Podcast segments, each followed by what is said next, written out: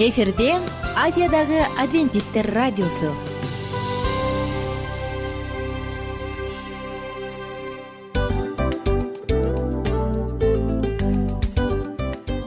Достор салют. Баардык сүйүктүү угармандарыбызга салам айтабыз. Кутман күнүңүздөр менен. Ден соолук өмүрдүн булагы демекчи саламат саамы программасында баарыңыздарды көргөнүбүзгө абдан кубанычтабыз. Анда алгач амандашып өтөлү арбаңыздар деп. Ден соолугуңуздар кандай элибизде көбүнчө ден соолук кандай дегенде эле жакшы деп жооп беребиз э? ооруп турсак дагы жакшы дейбиз. Анан мен муну айтып ойлойт элем бул абдан сонун сөз депчи анткени бул жакшы деген үмүт да э ооба баары жакшы болот. Баары сонун. Деп үмүттөнүп атып эле өзүбүздү өзүбүз дарылап коебуз. Анысы кандай? Сиздин дагы ден соолугуңуз жакшы беш деген үмүттөбүз чындыгында ден соолук бул өмүрдүн булагы деп бекеринен айтылган эмес деп ойлойм. Кыргыз элинде анткени эгерде ден соолук жок болсо анда адамдын жашоосунда калган баардык керектүү маңыздуу нерселер өзүнүн баалуулугун жоготуп коет. Ошондуктан ден соолук бул эң керектүү нерсе. Ооба туура айтасың кесиптешим. Чынында ден соолугуң жок бир эки үч күн ооруп калсаң эле э кандай болуп калат? Жашоодо көз каранды болуп каласың көп нерсеге жетишпей каласың көп нерсени кыла албай каласың жада калса эшикке дүкөнгө да чыга албай каласың. Туптуура анан ден соолук болсо демек биз биздин бактыбыз тотой деп койсок болот. Анда достор саламат саамы рубрикабызды баштайлы. Алдыда өзүңүзгө керектүү болгон сонун кеңештерди уга аласыздар. Мына ошондуктан биз менен бирге болуңуздар. Ал эми биз болсо милан жана айнура.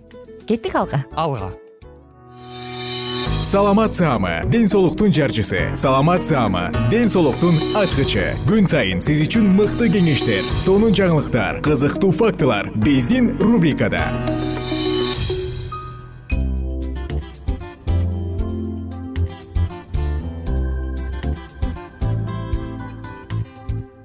Салют достор кандайсыздар угармандар? Жалпыңыздар менен амандашып биз кайрадан саламат саама рубрикасын баштадык. Жана бүгүнкү темабыз боордун сезгениши деп аталат. Тыңдап жатканыңыз пайдалуу суусундуктар деп аталган цикл. Бул циклда биз ар бир орган үчүн ар бир адат үчүн деги эле ар бир оору үчүн кандай сок ичип кандай табигый смузилерди даярдоо менен өзүбүздүн саламаттыгыбызга кам көрсөк болот. Мына ушул жөнүндө маалымат берип жана сонун рецепттер менен бөлүшүп жатабыз. Албетте достор ар бир уктуруубуз өтө баалуу анткени ар бир уктурууда биздин саламаттуу болушубуз үчүн биздин жакшы жашашыбыз үчүн болгон аракетибизди көрүүдөбүз жана бүгүнкү тема дагы боордун сезгениши деп аталат. Эми боор оорум ооруп атат ии боорум кыйналып калды. Ай боорум деген сыяктуу көп эле байкайт эмеспизби көп эле угат эмеспизби. Бирок көп учурда боор кандай орган жана ал кандай кызмат аткараарын ойлонбой калабыз. Эгерде биз ал нерсени ойлонгонубузда анда биз чылым чекпейт болчубуз. Химикаттык ар кандай жасалма жолдор менен жасалган азыктардан баш тартмак болушубуз керек. Колдон келишинче сергек жашоо образы менен иштегенге аракет кылмак болушубуз керек. Анда айталы боор бул кандай орган? Биздин организмдин фильтри жана фабрикасы эгер ал дартка чалдыкса анда башка органдарда дагы оорулар жаралат. Андыктан боорду ооруга чалдыктырбаш үчүн туура тамактанып аны убагында тазалап туруш керек. Кантип деген суроого тиешелүү адистер жооп берет алдыда а биз болсо сонун маалыматтарды угалы. Негизи боордун негизги кызматтары өттү иштеп чыгаруу канды чыпкалап тазалоо канды суткасына төрт жүз иреттей тазалоодон өткөрөт. Кан менен кошо андагы зыяндуу заттардын баарын уу бактерия вирус нитрат жана башкалардын баарын тең боор өзү аркылуу өткөрөт дагы аларды зыянсыздандырат. Эгер мындай тамак мындай заттар организмге тамак аш дары дармек аркылуу көбүрөөк кирип кетсе боордун аларды зыянсыздандырууга аалы жетпей баштайт. Зыяндуу заттар боордо топтоло баштайт да боор акырындап дартка чалдыгып калат. Чыпкалоодон жакшы өтпөй калган кан курамындагы уулуу заттар менен башка органдарды дартка чалдыктырууга өтөт. Ошентип боор ооруса башка органдар да дартка чалдыгышат. Эми боор дегенде албетте биз тамактанууну дайыма айтабыз. Ошондуктан колдон келишинче кайнатма жана акшактардан жасалган тамактарды канаттуулардын жана жаш малдын майлуу эмес этин балык жашылча жемиштер кургатылган кактар жана башка ушул сыяктуу мөмө жемиштерди жашылчаларды жешибиз керек болот. Боорду кантип тазалашат? Албетте тазалоонун бир нече жолдору бар. Биз алдыда сөз кылып берели ага чейин болсо боорду тазалоочу соктун рецеби менен бөлүшсөк. Боорду тазалоо. Боор бул бөйрөк сыяктуу эле организмдин фильтри деп айтып кетпедикпи жогоруда. Ал организмди чоочун заттардан жана токсиндерден тазалайт. Алар болсо канда кошо айланып циркуляцияда болгон болот. Булардын баардыгын кан тазалайт боор тазалайт. Ошондой эле алкоголдук ичимдиктерден дары дармектерден пестицид жана башка булганыч булактардан келген баардык ууларды дал ушул боор нейтралдаштырат. Азыркы учурда заманбап жашоо образы чындыгында карап отурсак боордун иштешин өтө эле оорлотуп жатат. Себеби анда уулуу заттар көп анан айла жоктон боор сезгенип жаткан чагы. Кайсы бир боордун сезгенүүсүнүн белгиси кандай болот десеңиз бул бир нече белгисин санасак адам өзүн чарчаңкы сезет. Энергиянын жетишсиздигин байкайт. Жана организмде териде ар кандай сыпь пайда боло баштайт тактар пайда боло баштайт. Ошондуктан достор боор бул фильтр болгондуктан суунун фильтрин тазалаган сыяктуу эле боорду дагы тазалап туруу керек. Ломбард же фиолетовый капуста бар эмеспи? Кызгылт түстө. Кызгылт жок муну кандай деп коет? Сыяк көк түстө деп коет э кыргызча фиолетовый. Дал ошол түстөгү капуста сабиз жана алма көптөгөн лабораторияларда изилденип алардын баардыгы клеткаларын боордун клеткаларын коргойт экендиги далилденген. Ошондуктан биз айтып берүүчү боорду тазалоочу сокту колдонуп өзүңүздүн саламаттыгыңызга кам көрсөңүз болот. Мындай соктун касиети кандай мындай сок. Боорду коргойт детоксикация кылат тазалайт антиоксидант жана иммунитетти стимулдаштырат. Ошондой эле ашказанды коргойт жана ракка каршы сонун азык.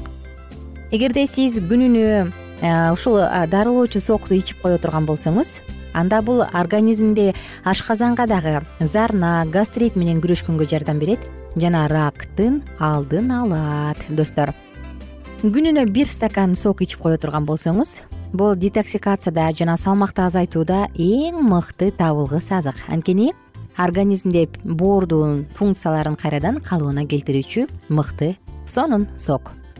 Эми достор келиңиздер. Боорду тазалоочу соктун ширенин ингредиенттери рецепти менен бөлүшөлү. Ингредиенттер бир порция үчүн. Бир чашка ломбард капустасы же сыяк көк капуста. Бул сексен тогуз граммдай болсо болот. Үч сабиз ар бири ортончо өлчөмдө болсун болжол менен алтымыш бир алтымыш граммдай. Бир алма эгер ал экологиялык жактан таза болсо анда сыртын ачпай эле койсоңуз болот. Жана эки аш кашык лимон ширеси. Эми баардык ингредиенттердин баарын жууп алыңыз дагы соковыжималкага салыңыз. Ага лимон ширесин кошуп аралаштырыңыз. Болду сонун сок даяр. Арыктайт элем беттеги тактардан кутулат элем дегендер бар болсо дал ушул нерсени колдонсоңуз болот. Дагы бир жолу кайталай кетейинчи бир чашка ломбард капустасы. Бир чашка ломбард капустасы. Сексен тогуз граммдай үч сабиз бир алма. Эки аш кашык лимон ширеси. Баардык ингредиенттерди жууп соковыжималкага саласыз. Ага лимон ширесин кошуп аралаштырасыз дагы иче бериңиз болду. Сонун сок даяр. Мындай соктун курамында а витамини с витамини абдан көп пайызда к витамини б алты витамин калий б бир б эки витаминдери фалат магний е витамин кальций темир цинк мына булардын баардыгы тең бар. Ошондуктан достор өзүңүздүн саламаттыгыңызга кам көрүп боорумумду бир эс алдырайынчы жыргатайынчы боорума бир майрам кылайынчы десеңиз дал ушундай сокту жасап ичип коюңуз биз болсо сиздер менен коштошуу учурга келдик. Кийинки уктуруудан кайрадан амандашабыз. Күнүңүздөр көңүлдүү улансын. Оорубаңыздар бай болуңуздар жана бар болуңуздар. Кайрадан амандашканча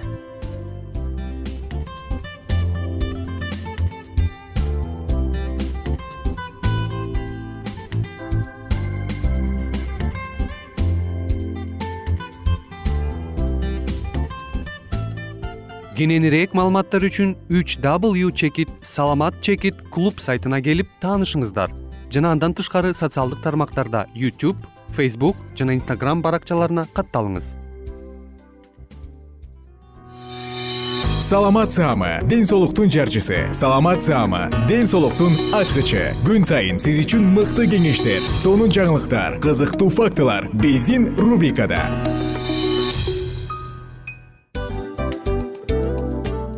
салам достор. Кайрадан биздин сүйүктүү рубрикабызга кош келиңиздер деп айтмакчыбыз. Баардык замандаштарыбызга арбаңыздар деп саламыбызды айтабыз. Улуу ушундай бир э, урматтаган учурашуу менен анан дил маек радио баракчабызга чакырабыз. Негизи дил маек биздин рубрикабызда эмне жөнүндө кеп кылабыз бул дил маектин мааниси эмнеде рубрикабыз менен кичине тааныштырып кетсеңиз. Сөзсүз түрдө тааныштыра кетейин. Кесиптешим суранычы боюнча бул учурда бул радио баракчада биз ар тарап кесип ээлеринен сонун кеңештерди алабыз сүйлөшөбүз сырдашабыз. Аталарыбыздын эжелерибиздин апаларыбыздын кеңештерин угабыз айтор. Жан дүйнөгө адамдын э, сапатына адамдын деги эле адам болуп жашашына керектүү баардык кеңештер алдыда.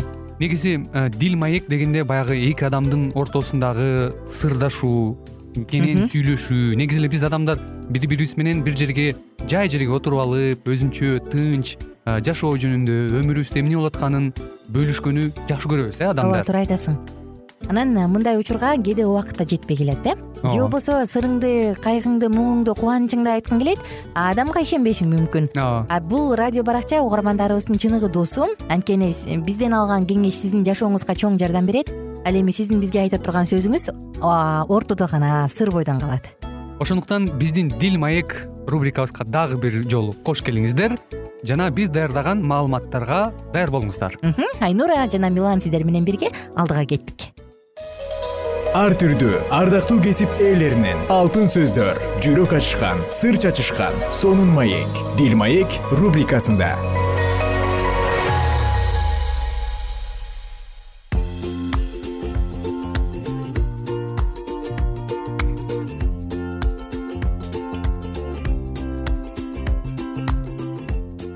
арбаңыздар кадырлуу аял заты агалар инилер апалар аталар жана жалпы биздин сүйүктүү досторубуз. Сиздер менен бирге кайрадан дил маек уктуруусундабыз жана бүгүнкү тема кайрадан биз сара апанын жашоосун окуганды улантабыз. Тыңдап жатканыңыз аял жубай жана эне деп аталган цикл бул китептен биз тарыхта болуп өткөн аял затынын аялдардын тагдыры тууралуу окумакчыбыз. Жана албетте алардын жаратуучу менен болгон мамилеси кандай болгон? Мына ушул тууралуу дагы сонун маалыматтарды бирге окуйбуз. Эске сала кетсем мурунку уктуруубузда биз сара жөнүндө сөз кылганбыз. Ыбырайым жетимиш беште сара алтымыш беш жашында алар баардык урук тууганын таштап туруп кудай убадаланган жерди көздөй жөнөшөт. Бул учурда кудай аларга уулдуу болосуңар деп убада берет. Бирок качан кандай кандай экенин кандай жагдайда экени белгисиз. Эми андан ары уланталы убакыт өтө берди. Алар балалуу болушпады. Сапарын улантып бара жатышып шекемге жакын калышканда кудай ыбырайымга кайрадан көрүнүп бул жерди мен сенин укум тукумуңа берем деди. Белгиленген жерге жеткенде алар жеңилдене үшкүрүштү ыбырайым кудайга ыраазычылык билдирүү иретинде ал жерге курмандык чалынуучу жай куйду кыязы алардын балалуу болобуз деген үмүтү али да өчө элек болсо керек. Кийинчерээк бейтелге келишкенде ал кайрадан курмандык чалды. Кудайга табынуу бул жубайлардын жашоосундагы эң башкы нерсе эле алар бир калыпта бейпил турмуш өткөрүп жатышты. Сара өздөрүнүн жашоосундагы кубанычтуу көз ирмемдерди жана кайгылуу учурларды эстеди. Мисирде жүргөнүн көңүлү чөккөн учурларды эстеди ошондогу жарат али да болсо сыздап турган. Түштүктөгү негеп өрөөнү кургакчыл жана ийин. Бул суусу жок тоолуу жер болчу. Алар ошол жерде жашап жатканда ачарчылык болду. Бирок ыбырайым бейтелге же шекемге кайтып келген жок. Түштүктөгү мисирди көздөй жөнөдү. Кудайдан кеңеш суроо курмандык чалынуучу жайда аны менен сүйлөшүп алуу анын оюна келген жок ал кудайдын жетегисиз кетип бараткандыктан кыйынчылыкка туш болгондо корккон чыгар. Кел сени менин карындашым деп коелу деп сунуш кылды ал. Далай жылдар бою кудайга үмүттөнүп жашап келген ыбырайым коркусунан эле өз жаны үчүн корко баштады ал калп айтты сара анын бул калпынын курмандыгы болду анын сүйүүсү менен ишенимдүүлүгү кайда кетти алар сапарга чыкканда дал ушундай кылууну сүйлөшүп алышканы чын. Алар бул калп эмес да деген ой менен өз абийирлерин соротумуш болушту. Экөөнүн аталаш тууган экени чын бирок чындыгында бул сарадан баш тартуу эле. Анткени ал учурда сара ыбырайымдын аялы болчу. Картайып калгандыгы күндүн мээ кайнаткан ысыгында узак убакыт бою жүргөндүгү өзүн караганга мүмкүнчүлүк болбогондугу сааранын сулуулугуна эч кандай таасир тийгизбегени өңдөнөт. Ал алида болсо сулуу аял деп эсептелген. Ыбрайым күткөн нерсе болду. Саарага башкалардын көзү түшүп калып ал фараондун үйүнө алынып келди. Ыбрайымдын өзүмчүлдүгү аялынын тазалыгына коркунуч туудуруу менен эле чектелбестен ал жеңил ойлуулук кылды. Атүгүл убадаланган баланы тобокелге салды. Бирок саара үмүттөнгөн кудай ага арачы болду фараон сааранын ыбрайымдын аялы экенин билип аларды кое берди. Албетте бул анын күйөөсүнө болгон ишеничине терс таасирин тийгизбеген жок. Саара ага мурункудай ишене албай калды. Бейтилге кайтып келишип акыркы жолу курмандык чалышканда гербен менен чогуу мисирлик жаш күң ажар да келди. Бир тууганынын лотко кылган мамилесинде ыбрайым өзүнүн кудайдын адамы экенин дагы бир ирет далилдеди лот үй бүлөсүн алып анда бөлүнүп кетти. Анын туугандары менен болгон эң акыркы байланышы үзүлдү. Ошентип алар чатырларын эки башка жакка тигип хеброндон бөлүнүп кетүүнү чечишти. Жылдар өтө берди. Убада орундалган жок. Ыбрайымга бул абалдан чыгуу жолу бала багып алууда болуп жүрбөсүн деген ой кетсе керек. Ал өздөрүнүн чөйрөсүндөгү кадырлуу адам элезер жөнүндө ойлоду бирок бул кудайдын планында жок нерсе эле ошондо теңир ага сенин мураскоруң өзүңдөн чыккан балаң болот деп жооп берди. Кудайдын мураскор бере тургандыгы жөнүндөгү убадасы өзгөргөн жок ал тургай келишим менен бекитилди. Кудайдын убадасын дагы бир ирет кайталаса да анын орундала турган учуру али келе элек эле ишеним жолундагы жашоо өз эркиңден баш тартууну эле эмес чыдамкайлыкты да талап кылаарын саара түшүндү ишеним менен чыдамкайлык ажырагыс байланышта. Бирок буларга жетүү оңой эмес. Муну өмүр бою үйрөнүү керек. Баардык ишенгендердин атасы жубайы менен муну үйрөнүп баардык оор шарттарга карабастан ишенимде бекем туруулары керек болду. Алар убадаланган нерсени ишеним жана чыдамдуулук менен күтүшү керек болгондор үчүн үлгү болуулары керек болду. Маскара болуп жоготууга учуруу аркылуу үйрөнүүлөр керек болду. Күтүү кээде ушунчалык оор болот тура. Кудай убадаларын аткарат бирок ал убадаларынын аткарыла турган убактысын сыр катары сактайт. Жашоо мектебинде алар өздөрүнүн ишенимин адамдык мүмкүнчүлүктөрдүн саздак жерине эмес кудайдын убадаларынын кыртышы катуу жерине курууну үйрөнүүлөрү керек болду. Бирок дал ушул нерсени кылууга алардын кудурети жетпеди сара өзүнүн жашы өтүп бара жатканын ойлоп ыбрайымга мисирлик күңдү аялдыкка алууну сунуш кылды. Ал ошол учурдагы каада салттарга ылайык иш жасады. Анткени ал учурда мындай жагдайлар көп кездеше турган. Ошолордун мыйзамы тарабынан жол берилгендиктен сара күйөөсүнө бала убада кылды. Бирок саранын бул кылганы туура эмес эле ал өзүн курман кылууга кайыл болду. Атүгүл ыбрайымга убада кылынган уул сөзсүз түрдө менден төрөлөрүн кудай айткан жок деп актанды. Достор жалпыңыздар менен мынакей бүгүн дагы аял жубай жана эне деп аталган китептен сонун үзүндү окуп өттүк. Сиздер менен убактылуу коштошом кийинки уктуруубузда окуянын уландысын бирге тыңдайбыз. Күнүңүздөр көңүлдүү улансын бар болуңуздар бактылуу болуңуздар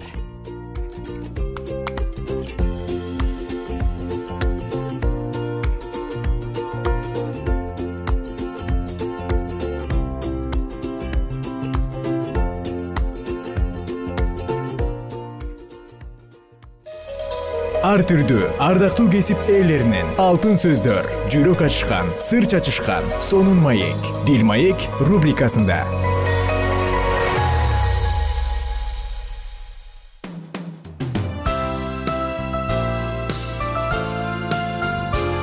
Эфирде азиядагы адвентисттер радиосу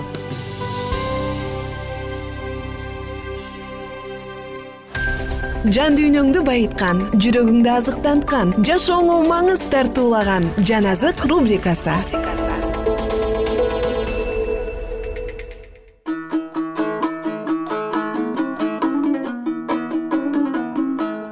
Кутман күнүңүздөр менен замандаштар салам достор кандайсыздар? Мандайыңыздар сонунбу кайрадан дагы бир жаңы күн жаңы мүмкүнчүлүк берилип сиздер менен амандашууга мүмкүнчүлүк бар экендиги үчүн кубанычтамын жалпыңыздар менен биз жан азык уктуруусундабыз. Жан дүйнөбүздү азыктандырып бири бирибизге эң сонун баалуу учурду тартуулайлы. Адамдын жан дүйнөсү жаны дагы жан дүйнөсү дагы руханий дүйнөсү дагы азыктанууга муктаж эмеспи келиңиздер. Бүгүнкү биз айта турган сонун кеп биздин руханий жан дүйнөбүздүн азыгы болсун эске сала кетсек сиздер менен бирге биз инжил китебинде жазылган элчилердин иштери деп аталган китепти окуп жатканбыз. Жана мурунку уктурууда биз эң сонун кызыктуу окуяны айтканбыз э? Эбнух э, китеп окуп бара жатканда анын жанына филипп келет. Филиппти болсо кудай бар ошол жерге бар дейт э? Анан ал ким жөнүндө окуп жатканын түшүнбөстөн дагы бирок окуп бараткан. Анан филипп ким жөнүндө окуп баратасың түшүнөсүңбү дегенде жок түшүнбөйм мага бирөө түшүндүрбөсө кантип түшүнөм дейт эбнух анан филипп баардыгын түшүндүрүп берип эбнух жөнөкөй ишеним менен кабыл алат дагы сууга чөмүлдүрүлөт. Андан ары бүгүн улантабыз. Элчилердин иштери тогузунчу бөлүм. Шабыл болсо мурункудай эле теңирдин шакирттеринин коркутууну гана жана өлтүрүүнү каалап башкы кызмат кылуучуга барды.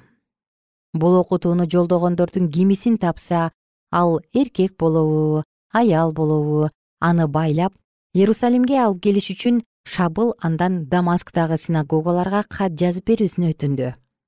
Ошентип ал жолго чыгып дамаскка жакындап калганда күтүлбөгөн жерден ага асмандан бир жарык түштү.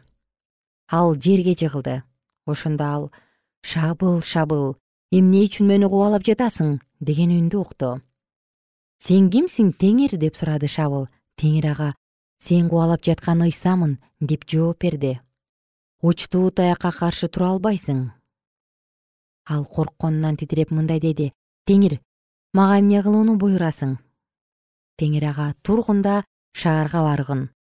Ошондо сага эмне кылышың керек экендиги айтылат аны менен бирге бара жаткан адамдар үндү угуп бирок эч кимди көрбөй селдейип туруп калышты ордунан турган шабыл көздөрү ачык болгонуна карабастан эч кимди көргөн жок.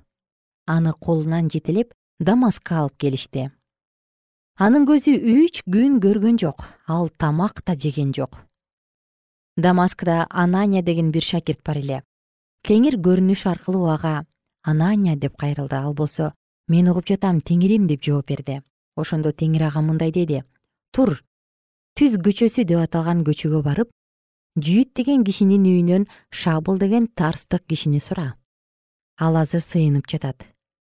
Ал мындай көрүнүш көрдү көрүнүштө анын жанына анания деген адам келип анын көздөрү кайрадан көрүш үчүн үстүнө колдорун койду. Анания болсо теңирге мындай деди. Теңир мен анын иерусалимде сенин ыйыктарыңа канчалык жамандык кылгандыгын көп кишиден уккам. Бул жерде да ыйык кызмат кылуучулардан сенин ысымыңды чакыргандардын бардыгын байлатууга уруксат алган. Бирок теңир ага баргын анткени ал менин тандалган идишим. Ал мен жөнүндө элдердин падышалардын жана ысрайыл элинин алдында жарыялайт. Менин ысымым үчүн канчалык азап чегүүсү керек экендигин мен ага көргөзөмүн деди. Анания барып ошол үйгө кирди да шабылдын үстүнө колдорун коюп мындай деди бир тууганым шабыл. Келе жаткан жолуңда өзүңө көрүнгөн теңир ыйса. Көздөрүң кайрадан көрүш үчүн ыйык рухка толушуң үчүн мени сага жиберди ошол замат анын көзүнөн чел түшүп калгандай болду. Анын көздөрү ачылып көрө баштады. Ошондо ал ордунан туруп сууга чөмүлдүрүлдү. Анан тамак жеп кубаттанды. Шабыл бир нече күн дамасктагы шакирттери менен болду. Көп өтпөй эле ал синагогаларда ыйсанын кудай уулу экенин жарыялай баштады. Анын сөзүн уккандардын бардыгы иерусалимде ушул ысымды чакыргандарды куугунтуктаган ушул киши эмес беле? Бул жерге да аларды байлап башкы кызмат кылуучуларга алып барыш үчүн келбеди беле? Деп таң калышты. Барган сайын ишеними бекемделген шабыл болсо ыйсаны машаяк деп далилдеп дамаскта жашаган жүйүттөрдүн баштарын маң кылды бир нече күн өткөндөн кийин жүйүттөр аны өлтүрүүгө чечим чыгарышты. Бирок алардын бул жаман ою шабылга маалым болду.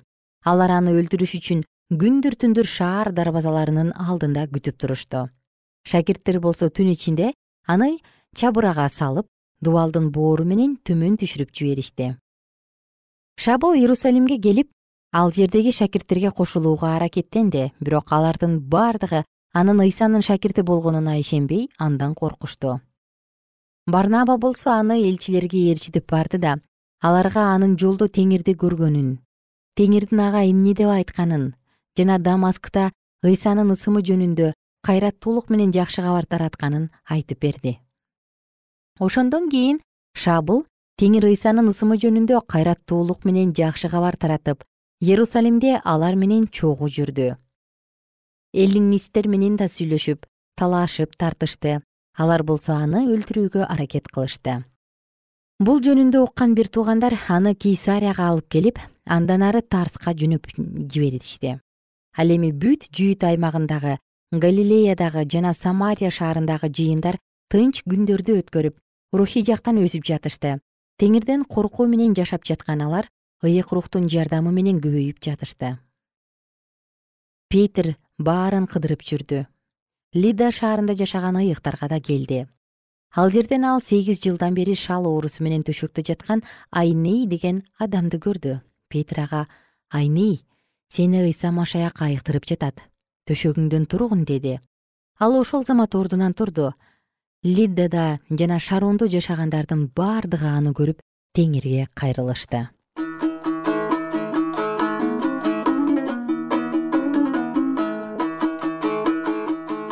кадырман замандаштар ардактуу достор бүгүн сиздер менен бирге элчилердин иштеринде жазылган тогузунчу бөлүмдү окуп өттүк.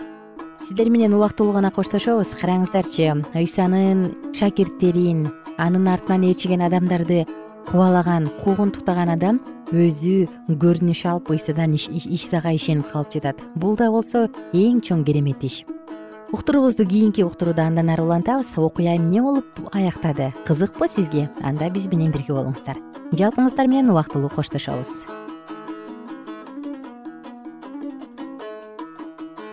Эгер сиздерде суроолор болсо же көбүрөөк маалымат билем десеңиз анда биздин whatsapp номерибизге жазыңыз. Плюс бир үч жүз бир жети жүз алтымыш алтымыш жетимиш. Кайрадан плюс бир үч жүз бир жети жүз алтымыш алтымыш жетимиш.